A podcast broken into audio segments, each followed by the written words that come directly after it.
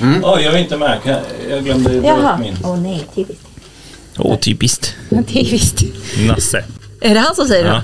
det? Eller är det Pu? Åh, typiskt. Nasse Det låter säger Nasse och Nasse. "Kä- Kära någon. Ja, Hur låter Nalle Puh? Jag vet inte. Men Björne, Björne lät Ja, ju så Björn, här. exakt, det är Björne. Snigel. Björn och Nalle Puh lite lika. Ja. Eller pratar Nalle Puh så här? Nej, det var Igor. Ja, just det. Nej, Igor. Ior. Ior. Det Det var är, I den ryska varianten heter han Igor. Igor. Den är tuffare. Ja, precis. Nostrovje. Han är Ior hade ju en otrolig bas i de svenska versionerna. Vem sa du? Ior. Ior, ja. Mm. Det finråd ett avsnitt när, när, när alla i det här området blir jätterädda för att mitt i natten så um, hörs ett, ett vrål någonstans ifrån. De vet inte vad det är, om det är ett spöke eller någonting. Så. Det man hör är så här. Hjälp. Hjälp. Typ. Och då är det Ior som har liksom fastnat i gungan och den kan liksom inte stanna. Så det är inte så här, hjälp, hjälp. Det är inget sånt utan det är verkligen, hjälp.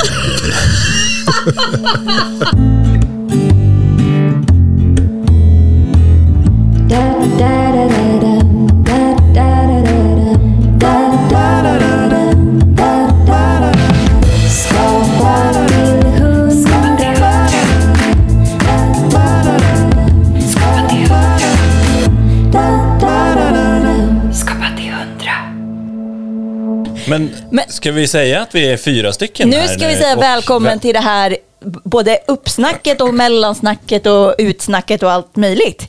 Med, med fyra glada... Snacket. Snacket. Snacket, ja. Med fyra glada poddisar i studion. Ska vi säga vilka vi är? Exakt. Joel, Marika. Maja, Oskar. och där hörde ni en röst som hette Marika. En nykomling. Varmt En gröngöling. Varmt välkommen till Tack oss. så mycket. Till det, här, till det här kooperativet. Tack, tack. Som Precis. bara fyller på. Oskar ska bara ha lite paus. Så ser vi det. Men för nu så avknoppar du dig från själva poddprojektet. Så att Marika tar helt enkelt Oscars eh, plats kan man säga. Eller i alla fall i, i teamet. etern. I etern. Exakt. Som blir ny poddare. Så jag tänker vi ska snacka idag lite om eh, hej och välkommen till Marika och vem är Marika? Och eh, så ska vi snacka lite med om vad Oscar har lärt sig under hösten. Hur kom det sig att du började och hur har det varit? Det roliga var faktiskt att jag, jag kollade upp den här podden när den var helt ny också. Och minns väl första avsnittet med Anna Rom som var det första jag hörde. Och så kommer jag ihåg att jag tänkte så här, men, "Au, det här skulle vara kul att vara med på, på något sätt. Men vad, hur hittade du den då? Via Maja, eller? Ja, vi är ju bekanta. Ja, vi, ni var ju vi, det, kände, vi det. kände ju inte varandra 100 procent, men vi har ju liksom varit i varandras utkanter Just på det. varandras bekantskapskretsar kan man säga. Ja, men så kan man Ni säga. var ju Facebook-vänner. Exakt. Men jag måste ändå bara berätta att för, första gången vi sågs, då, eller alltså vi har ju setts förut, men när- första gången vi sågs för att prata om det här då, så, så tog vi en fika på Wayne's Coffee och snackade igenom saker och ting och började utomhus.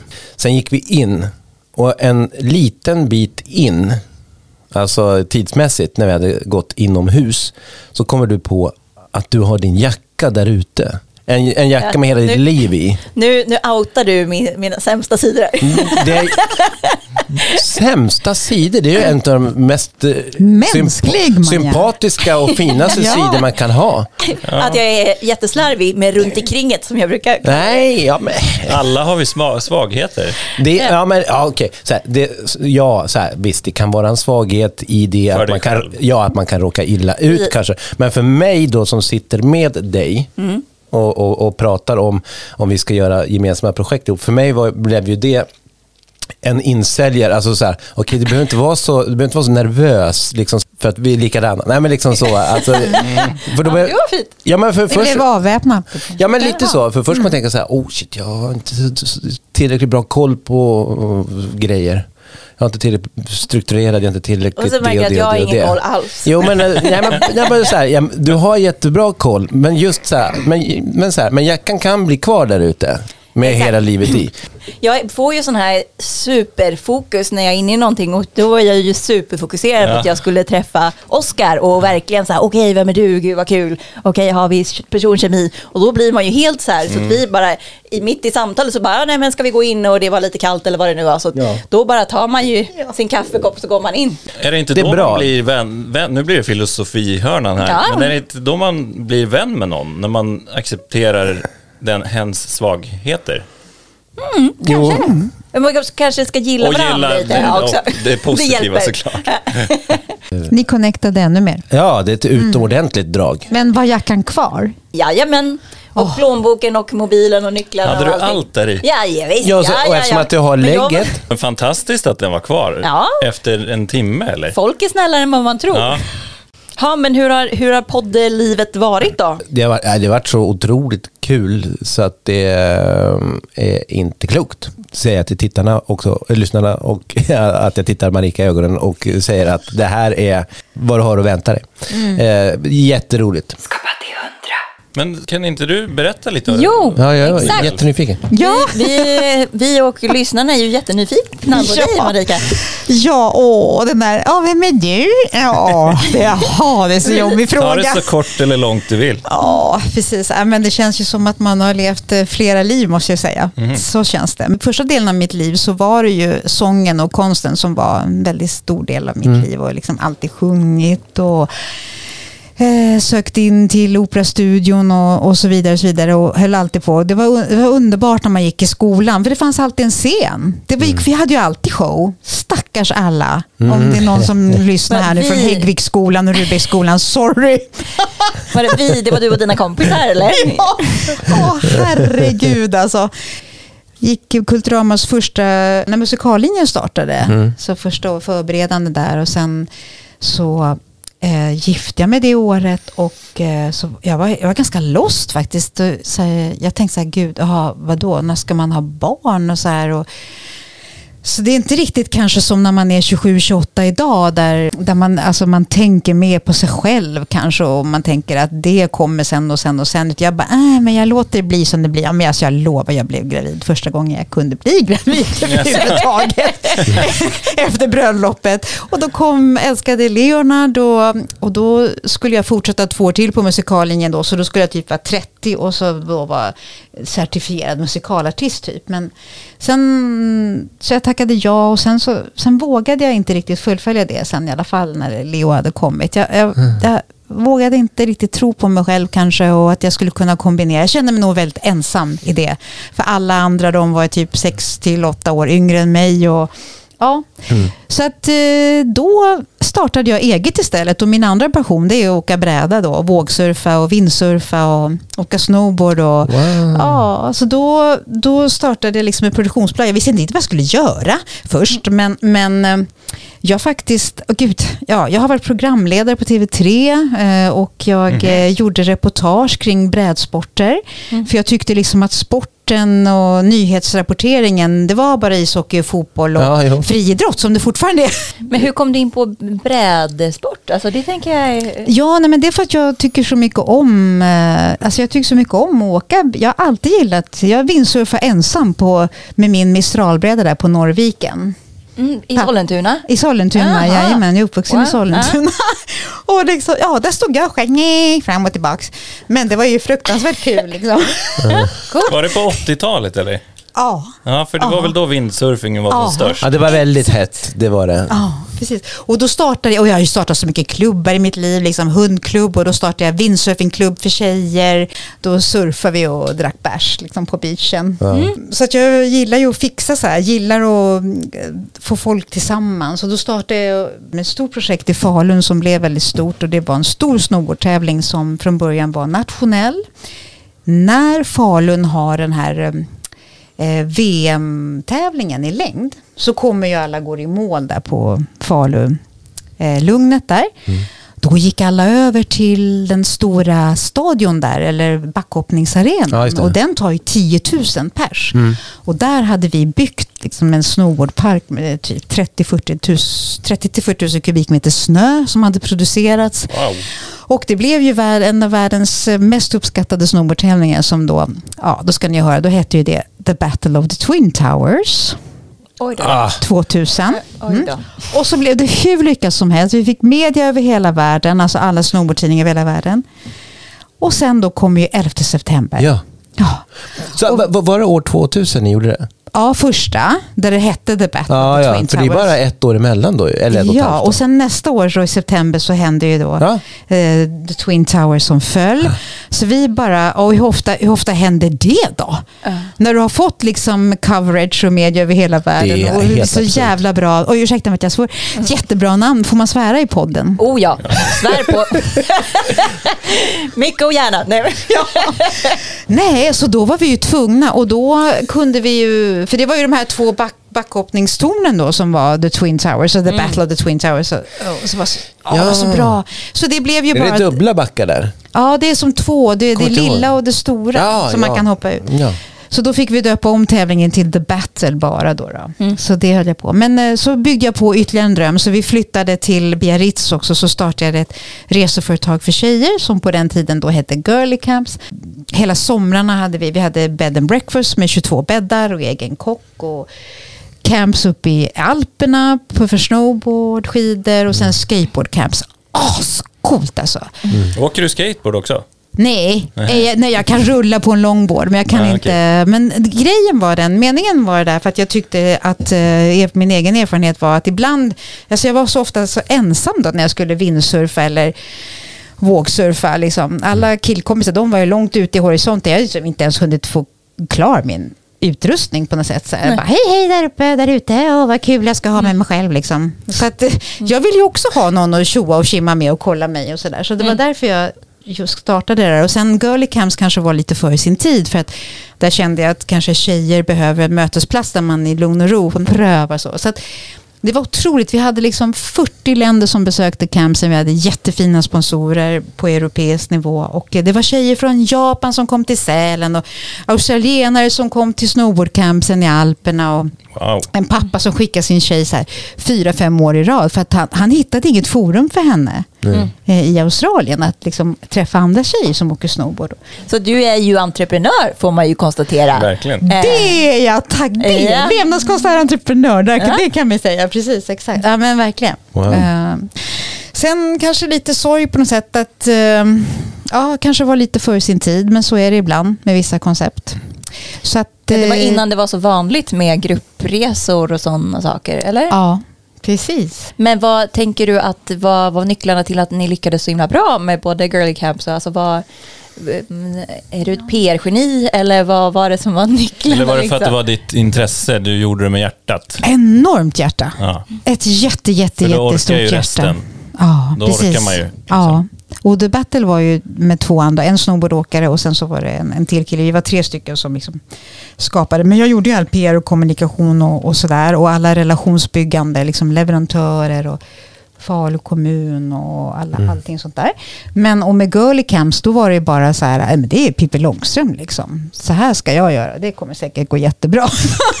men, eh, och det var rätt, i rätt tid, och, men det har, ju, det, var ju inte, det har ju inte varit lätt. Jättemycket tuffa saker man gått igenom och eh, känt mig otroligt ensam många, många, många gånger. Och ja, med facit i hand, hade jag vetat det jag vet idag, det låter ju så klyschigt, så hade man kanske gjort på något annat sätt.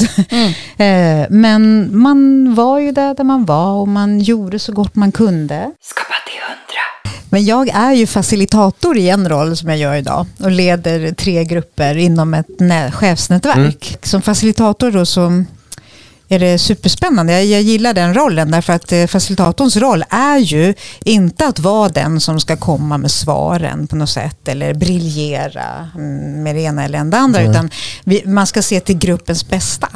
Alltså gruppens utveckling, att gruppen mår bra och eh, med vilka då frågetekniker och vilka övningar kan jag göra för att liksom fortsätta lyfta gruppen beroende Just på hur det. gruppen mår. Det är ditt jobb Det är superkul alltså. Ja. Men- J- Jättespännande verkligen. Eh, och idag så jobbar jag på ett företag som heter Sustain Change som jobbar med hållbarhet för människor. Så det är ju fantastiskt att få möjlighet att jobba med hållbarhet för människan och organisation. Jag och Marika träffades ju via Sustain Change där vi båda Mm, jobbade nu under det senaste året. Och du har ju pratat sen jag träffade dig tror jag om att du har velat starta podd och att du har Exakt. varit på G där med, med, med lite andra projekt men som inte Ja. Liksom riktigt föll på plats. Det var liksom livet kom emellan två poddkompisar så bara vi skulle och sen så bara händer det saker som det gör ibland i livet. Och sen så såg jag precis som ni gjorde, eller du gjorde Oskar, så såg jag annonsen att ni sökte poddare så då tänkte jag nej men nu måste jag mejla. Mm. Mejla er. Mm. Kul, tack för att du gjorde det. Ja, Mm, vi är mycket glada. Det här blir bra. Hur, hur kändes första intervjun Exakt, det var ju premiär i fredags. med Frida Boysen? Ja. Jag skulle precis fråga, är det hemligt Nej. när vi spelar in det här? Men, men för du som lyssnar så är det ju intervjun som kommer nästa vecka. Exakt. Det var ju otroligt att eh, det var Frida Boysen. Jag har ju inte gjort någon djupdykning i henne tidigare, men, men jag verkligen, alltså vilken person. Jag har ju känt eh, som facilitator med mina grupper så här, att man kan känna så här, en viss eh, nervositet i kroppen. typ som säkert du, du vet när man ska in på scen. Så. Men eh, ja, jag kände mig banne mig lite nervös och det är ju alltså det är lite ovant. Om du inte har den där, det där påslaget så är det ovant när man känner så här, fan, jag är, För fan, du- jag är nervös. Så allt du gör idag är du så bekväm i så det är sällan du blir nervös. Ja, Ja. precis. Men, och därför är det ju spännande att gå liksom outside the box och göra någonting nytt. Just ja, då, då var jag lite nervös med Frida i alla fall. Men det var, och så jag kände Innan så här, eller under tiden? eh, nej men så här, när hon kom in här och lite starstruck så här bara, ja, alltså här. Du verkade stört cool. Jag fattade inte alls att du var nervös. Jag bara, gammal skådis. Just det, det är bra. Det är bra, bra pokerface. Nej, men jag hörde hur jag lite så här stakade mig i början och sådär. Men sen tycker jag vi föll in i ett jättefint samtal med henne. Och hon, hon var ju en tacksam gäst att intervjua. Eh, men svår på ett sätt för att hon har gjort så otroligt mycket. Verkar hon trivas att sitta här? Ja, det tycker jag verkligen. Ja, men hon, hon är ju också proffs. Alltså, hon har ju var, varit intervjuad förr, kan man säga. Men också otroligt genuin liksom, i sin... Ja. Alltså, jag vet aldrig, om jag tror aldrig vi har haft en gäst som har gråtit så mycket till exempel. Är det och sant? som har varit, alltså typ så här verkligen från ja, men, skratt till tårar väldigt snabbt. Eh, men så, Nej, för vi, vi har ju inte riktigt sådana frågor som Nej. kan beröra Nej. så pass mycket. Nej men exakt, men hon, det är just hennes så här, självbiografiska böcker. Hon har Ja. släppt två och har haft en väldigt traumatisk eh, uppväxt Mm. och också liv efter det. Eh, och har ju liksom valt att skriva om det. Så hon är ju också, men på ett sätt kanske fortfarande i bearbetningen av det, men det är så otroligt generöst kan jag bara känna. Att vi känner ju inte henne alls när hon kommer hit och hon sitter ändå liksom berättar och jättegenuin och uppriktig om hennes liv och hennes sk- skapande förstås i förhållande till det. Så det är ju sådär. Men då gör ju ni ett väldigt bra jobb också. Hon kände sig så trygg. Men absolut, trivdes bra i vårt sällskap. Det tror jag. Skapa till hundra. Maja och Joel, nu skickar jag in det här som en reklamjingel. Får jag säga det? Ja, oh ja. Det måste jag få På säga. tal om kreativitet. Ja. Vad? De eh, gjorde en film här för första gången i sitt liv, vad jag förstår. Verkligen. Alltså, vi har ju, bakom kulisserna sker det kreativa aktiviteter. Ja, det gör det. Jag, det hade varit kul att göra content av det, men... Ja, vi blev ju inlurade som, som skådespelare, eller inlurade, vi var ju kom roligt. frivilligt. Ja, till en del av en, produktion, till en produktionskurs som jag gjorde eh, här förleden. Och, och, och, och de var skitbra för övrigt. Eh, och Joel skulle... Nja. Det var ni. Helt, helt okej, kanske inte. Nej, ni var jättebra. ni var jättebra och det... det Jag blir så. lite nervös när jag inte har kontroll. Då blir jag så här, jag har ingen aning om hur jag ska göra. Hur jag ska... Nej, men visst var det det som var, jag tyckte att det var så himla befriande. Jag har aldrig skådespelat. Jo, jag har skådespelat en gång när jag gick i sexan och vi gjorde Jonas Gardells pjäs Mormor gråter på djurspelet. Ah, just det. Eh, men det är typ den enda gången. Så jag kan, jag har- kan ju ingenting om att skådespela och jag har aldrig liksom önskat att jag skulle vara bra på det på ett eller annat sätt.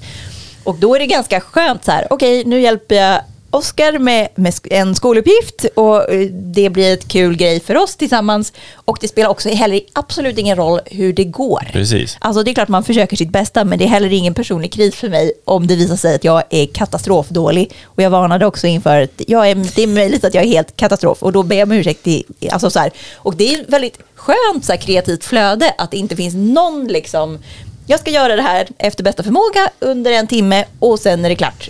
Och det- Ing, ingen kritiker på axeln. Nej men faktiskt, väldigt så här kul bara att göra. Eller vad tyckte du? Jo, jag tyckte det var kul och jag visste inte om det var bra eller dåligt. Nej, exakt. Jag hade ingen aning om det. Exakt. Ja, Ovanligt att känna så. Ja, jätteovanligt. Annars brukar man själv kunna, i allt man gör, så, så har man ett självförtroende eller så vet man vad man... Jag brukar skådespela ibland i radiospottar, alltså så här, tomten hör, i jul blir det mycket så, hallå alla barn.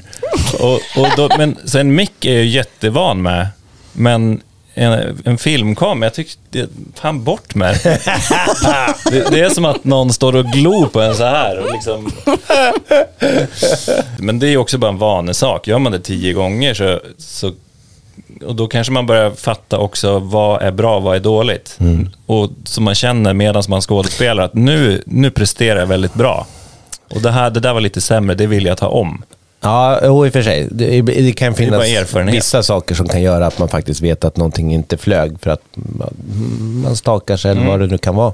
Annars så är det faktiskt väldigt svårt att veta med, med skådespeleri och veta vad som, vad som är bra för tittaren och inte. Även man- som när man är erfaren. Ja, alltså så det kan vara att man kliver av en föreställning och så bara, åh, det här var, alltså Just gud vad jag sög. Alltså jag fick inte ut det till publiken överhuvudtaget. Och så kommer någon i publiken och säger, ja, det var det bästa jag sett. Alltså så, Mm. Nästan. Eh, Nej men alltså så, folk kan verkligen tycka att, eh, att det här var bra. Och, och själv var man inte alls där, men det spelar ingen roll för dem vad jag var, eller vad jag kände eller liksom så. Och sen en annan gång kanske man känner hur mycket som helst. Och då kan du inte kommunicera ut det. Det stannar kvar hos dig, men, men det kanske inte syns till publiken. Men jag tänker den här ängslan över ens prestation, alltså den tänker jag finns i många skapande yrken inte minst. Och Jag kommer att tänka på eh, Jesper Waldersten eh, som är konstnär.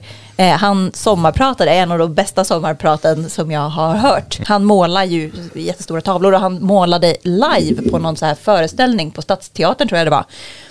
Så att varje kväll så målade han liksom hela föreställningen live. Och det var det säkert dansare eller skådespelare nå- också till. Men och att han berättade så det är så jävla eh, pricksäkert att vissa kvällar var det så här att han tyckte att allting tajmade, allting flöt, det blev skitbra. Och då fick han så här, nah, nah, ja det var väl okej typ från producenten. Och kvällar han tyckte att allting gick åt helvete och att han svettades där och slet och allting blev fult och skevt och liksom så kom liksom producenten och bara, där satt den! Eh, så, så här, på tal om att man inte vet, och det kanske inte är det perfekta när det blev det fina huset på tavlan som är det som berör mest. Nej, det är Eh, faktiskt sant. Jag tänker också på när man gör musik. Ja, man vet ju inte vad andra kommer tycka om det. Eh, Jag tänkte så att det var någon live-grej. Mm.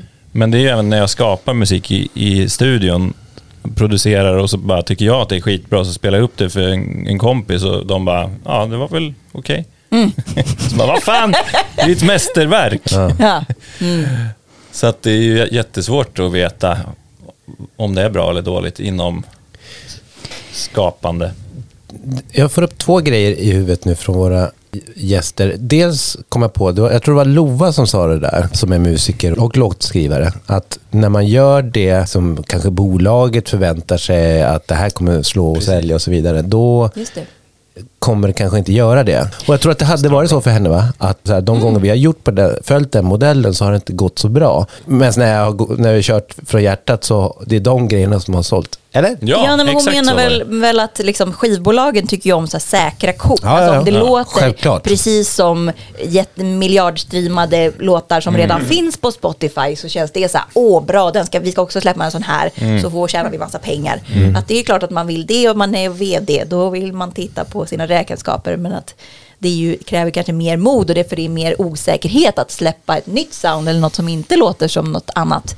Men att det kanske är det som, eller det var ju Lovas magkänsla, att det var de låtarna i hennes katalog som har blivit liksom allra bäst, för de hade något Ja, mest, extra, liksom. mest, stream, mest streamade också. Ja, Så det ja. var ju liksom svart Yes. på vitt. Det var ganska häftigt, tycker jag.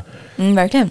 Men sen kommer jag också att tänka på eh, när vi pratade med Karin och Fredrik om klippning och liksom när man har gjort man varit ute och gjort ett jobb och filmat någonting och sen så tar man in en klippare. Då kanske man tycker själv att eh, precis, men det, här är liksom, det här är kanonbra, eh, vi ser det här i vårt material. Och så kommer klipparen ut och säger, ja, nej, jag ser inte det där utan jag ser det här istället. Mm. För jag var inte där ni var när ni filmade det här. Jag har också gjort, som gjort, gjort mycket musik och ibland kan man verkligen känna att det är ett mästerverk. Det kan det faktiskt vara i och för sig också.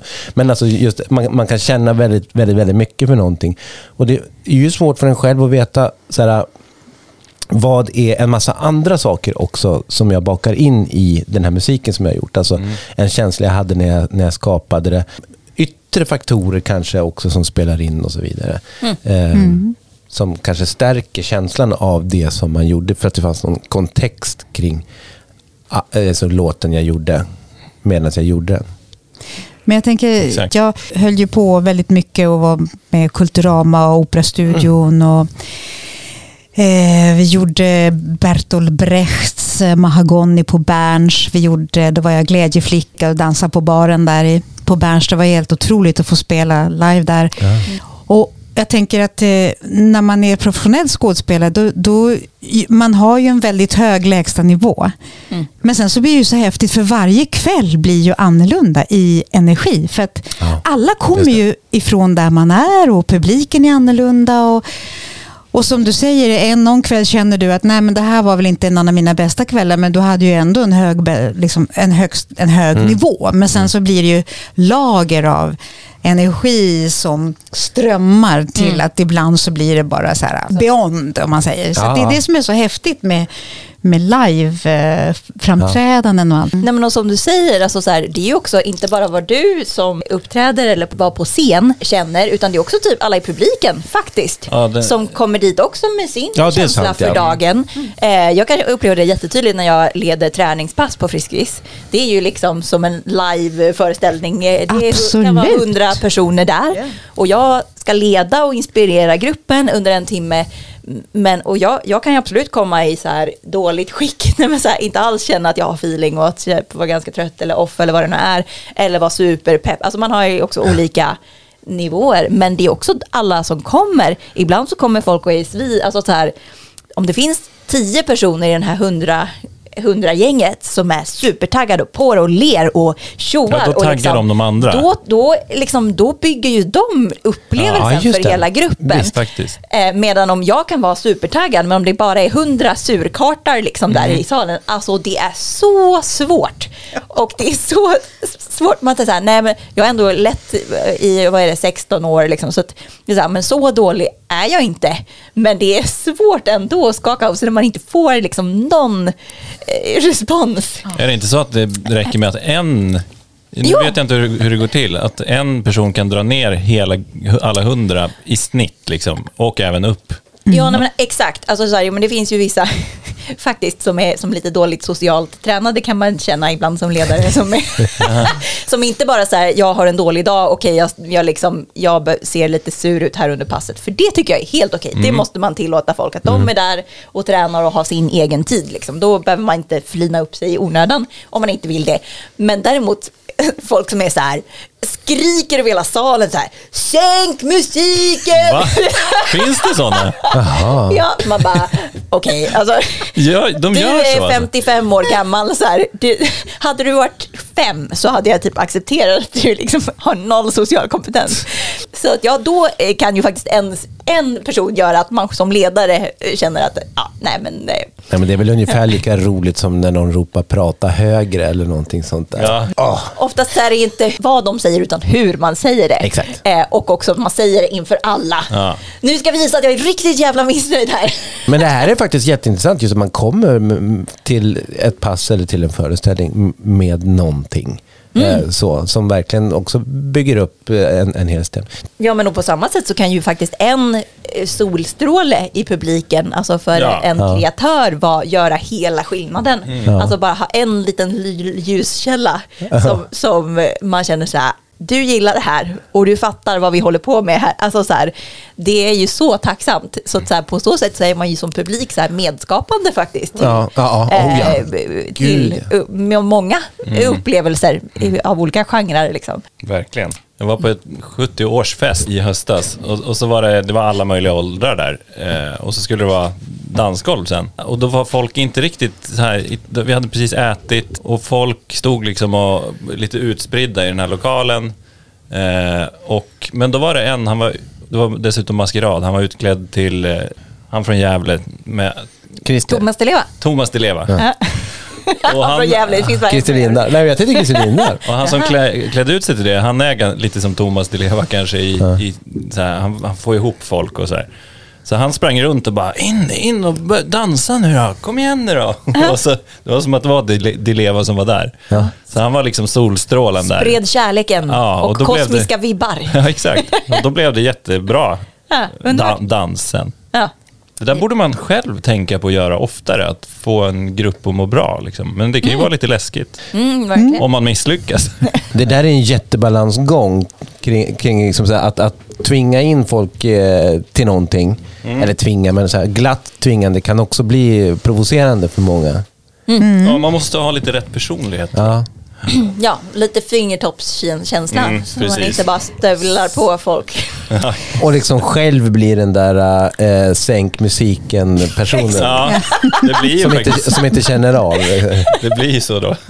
Skapa till hundra. Men har du någon, eh, vad gör du på fritiden? Jag bor här i Stockholm, i Saltsjöbaden. Jag har eh, eh, mitt andra äktenskap på G sedan 15 år tillbaka, så det funkar bra. Och jag har tre fantastiska söner. Jag är killmamma. Eh, eh, 11 år, 25 och 28. Så det är helt Oj. fantastiskt med de här stora barnen och sen så då eh, lilla Charlie som vänder upp och ner och ifrågasätter mig. Jag tycker jag är mest pinsam just nu. kan jag vågsurfa, Ja. gärna simma i havet, åka snowboard eh, gärna när det går. Sen så tränar jag, gymmar för att bygga grundmuskulatur och sen så yogar jag. Älskar yogan. Eh, yogan är... Där på mattan så får man möta sig själv. Man är helt naken eh, inför sig själv och man bara, ah, okej, stel där idag. Och idag känner jag mig som ett kylskåp, jättetung och en annan dag känner man sig, oh, jag är nog ganska stark. Men det är ett sätt för mig att eh, ehm, jag har svårt för, jag har så här önskan om att kunna sitta och meditera och allt det där. Men det är jättesvårt, det är ganska spralligt. Så att eh, yogan gör att jag liksom kan ändå komma in i slags meditativt med andningen och så kan man alltid gå tillbaka till rörelserna. Så här. Mm. Måste prova yoga. Jag Har du inte sagt, gjort det? Jag har ju sagt det i flera år. Ja, Ja, det är klart du ska göra det. Då får vi gå någon gång här. Du har ju många järn i elden och är, det är liksom Det får man lov att säga. med massa olika jobb och massa olika och det är skjutsas till hockey och du ska åka snowboard och du ska liksom... Ja, jag är hockeymamma också. Ah. Med tredje sonen. Mm, han Ja, ska men- bli hockeyproffs nu. Nej, men så det känns bra för mig att jag vet att du ibland i alla fall sitter på en yogamatta. Det känns som att det kanske balanserar upp lite i alla Jag fall. lovar Maja. Du vet hållbarheten. Ja, Man måste orka till absolut. hundra. Absolut. Just det. Nej, återhämtning är viktig. Mm. Även om man gör kul saker. Ja, men du känns ju ganska grundad. Du känns ju inte som en stressig människa. Åh Joel, tack. Vad underbart att höra. Ja, Ja. Första intrycket. ja, men det är verkligen en superkomplimang. Ja. Eller är du stressad? Gud, alltså jag har, Kanske stressat, jag har stressat jättemycket och jag har haft mycket inre stress också. Liksom, och på en del smällar i livet också. Eh, såklart, både med företagande, eh, hade ganska tuff skilsmässa med min första man, med, med pojkarnas pappa då. Och, eh, så att eh, det, jag känner, och det tycker jag känns eh, så här, jag jobbar hela tiden med mig själv och, och det är därför jag blir glad att du säger det. För att eh, inre stress är ju otroligt farligt. Mm. Så, så jag jobbar hela tiden med mig själv att försöka förhå- hitta verktyg hur jag ska förhålla mig till det. Så att, eh, ja. Jag slutade ju, det är ju som att röka, alltså stress är ju värre än att röka. Jag vet, jag har hört Har det de också. ju, eh, kommit kommer fram till. Ja. Eh, och jag höll, jag gick inte in i väggen, men det var lite mycket för tre, två, tre år sedan nu. Ja, men då fick jag lite hjärtklappning och åkte in på sjukhus och, sådär. och det var liksom så extrem hjärtklappning. Så kroppen varnade. Det är ju jättebra att den gör det. Och, så, Ja. och när jag vaknade upp på sjukhuset dagen efter, då bara, nu, nu slutar jag, som att sluta röka. Eh, nu slutar jag stressa. Och jag har inte stressat sedan dess. Det är jätteintressant. Alltså, se- Hur, Sen kan man ju vara effektiv eller att man, man kan springa till tunnelbanan. Det kanske har hänt Ja. en gång eller tre sedan dess. Men just det här, och jag pratade med min kollega Max också då och då sa han, "Ah, nu ger du fan i att stressa. Ja, som, att men sluta, alltså- som att sluta röka. Liksom. Men Men, gick- det men- var väldigt lätt. Efter Var en sån, lätt? det var jättelätt efter en sån händelse. Ja, men det är otroligt intressant att höra och det är stort att man lyssnar på kroppen. Det är ju det som många inte gör kanske. Man, man, kroppen är ju så fantastisk. Den sänder ju oss alla signaler och ändå är vi så duktiga på att liksom Mm. inte känna eller acceptera dem eller lyssna på dem. så. Och sen tycker jag att det jag också, ja, det var väl kanske fem år sedan, då var det också fram och nosade vid väggen och Mm. vände liksom. Jag, jag har nog inte haft en sån, men jag var inte inne på sjukan heller, så det är kanske inte lika Det var just det där dramatiska, det var ja. ambulans. Ja, nej, men exakt. Nej, ja, men då, det förstår jag att då Ja. får man verkligen, så att jag har, nej, jag har inte slutat stressa, men däremot så har jag fått en mycket bättre balans överlag, för jag tänker att det som är farligt är väl om man aldrig vilar. Alltså, jag är ju mer som ett lejon liksom. Ibland är man ute på jakt, då jävlar springer man liksom. Och sen ligger man och chillar i solen. Men att man har liksom balans över, över tid. Skapa till hundra. Känns det skönt att lämna över stafettpinnen här? Oskar, frågar jag nu. eh, om det känns skönt att lämna över stafettpinnen. Ja, men jag menar, kommer hon förvärva den? Skojar. Alltså det här kommer bli hur bra som helst. Fantastiskt att lyssna på, på det. Vilken liksom, energi. Otroligt bra röst. Jag förstår verkligen att du har varit eh, som skådespelare och eller liksom varit inne på det spåret ordentligt. Så, för den är ljuvlig att lyssna på. Mm, tack. Min man tror fortfarande på mig som skådespelerska. Ja. Så, tack Oskar, Ja, tack. ja, ja. Men, men sen att lämna ifrån sig pinnar, är ju, det kan ju alltid vara lite blandat. Det vill du inte Ja. riktigt. Du håller den kvar. Det är som du sträcker fram den och sen bara nej. Nej, nej. Du måste lämna av den. Det är kanske så. Sen kommer vet man aldrig och när du kommer tillbaka som vikarie eller vad det nu kan bli. Ja, herregud, jag ser redan fram emot det. Har vi skrivit något tacktal till Oskar? Nej, dåliga. Ja, men gör det helst. Nej, men det är ju jättebra att ni inte har det. Men vi Det kan väl få tacka för den här tiden. Det är ju skitkul att ha lärt känna dig. Du är ju en fantastisk vän och eh, det, vi kommer ju hänga mer. Verkligen. Så att, men det är bara lyssnarna som inte kommer höra dig på ett tag. Nej, just det. Tack så hemskt mycket. Ja, nej, men det har varit underbart att ha dig med på projektet, Oskar. Verkligen. Och du har ju varit projektets entusiast. Men du har alltid varit så himla positiv i din feedback och så himla intresserad, vilket är så jävla mycket värt när det är mycket att göra och det är liksom, eh, alltså så- superkul förstås, men ändå det ger så mycket energi till projektet. Eh, så det har verkligen känts, förutom att du är supermultikompetent och trevlig på alla sätt, så har det verkligen varit körsbäret på bakelsen. Ja, tack. Och det har varit helt fantastiskt att jobba med er båda. Jätte, jättekul har det varit. It's not a farewell. To be continued. Nej. Ska vi inte avsluta med ett djungelvrål och, eh, eh och eh, en stor applåd både till Marika och Oskar. Verkligen, bra initiativ. Ett, ett två, tre. tre.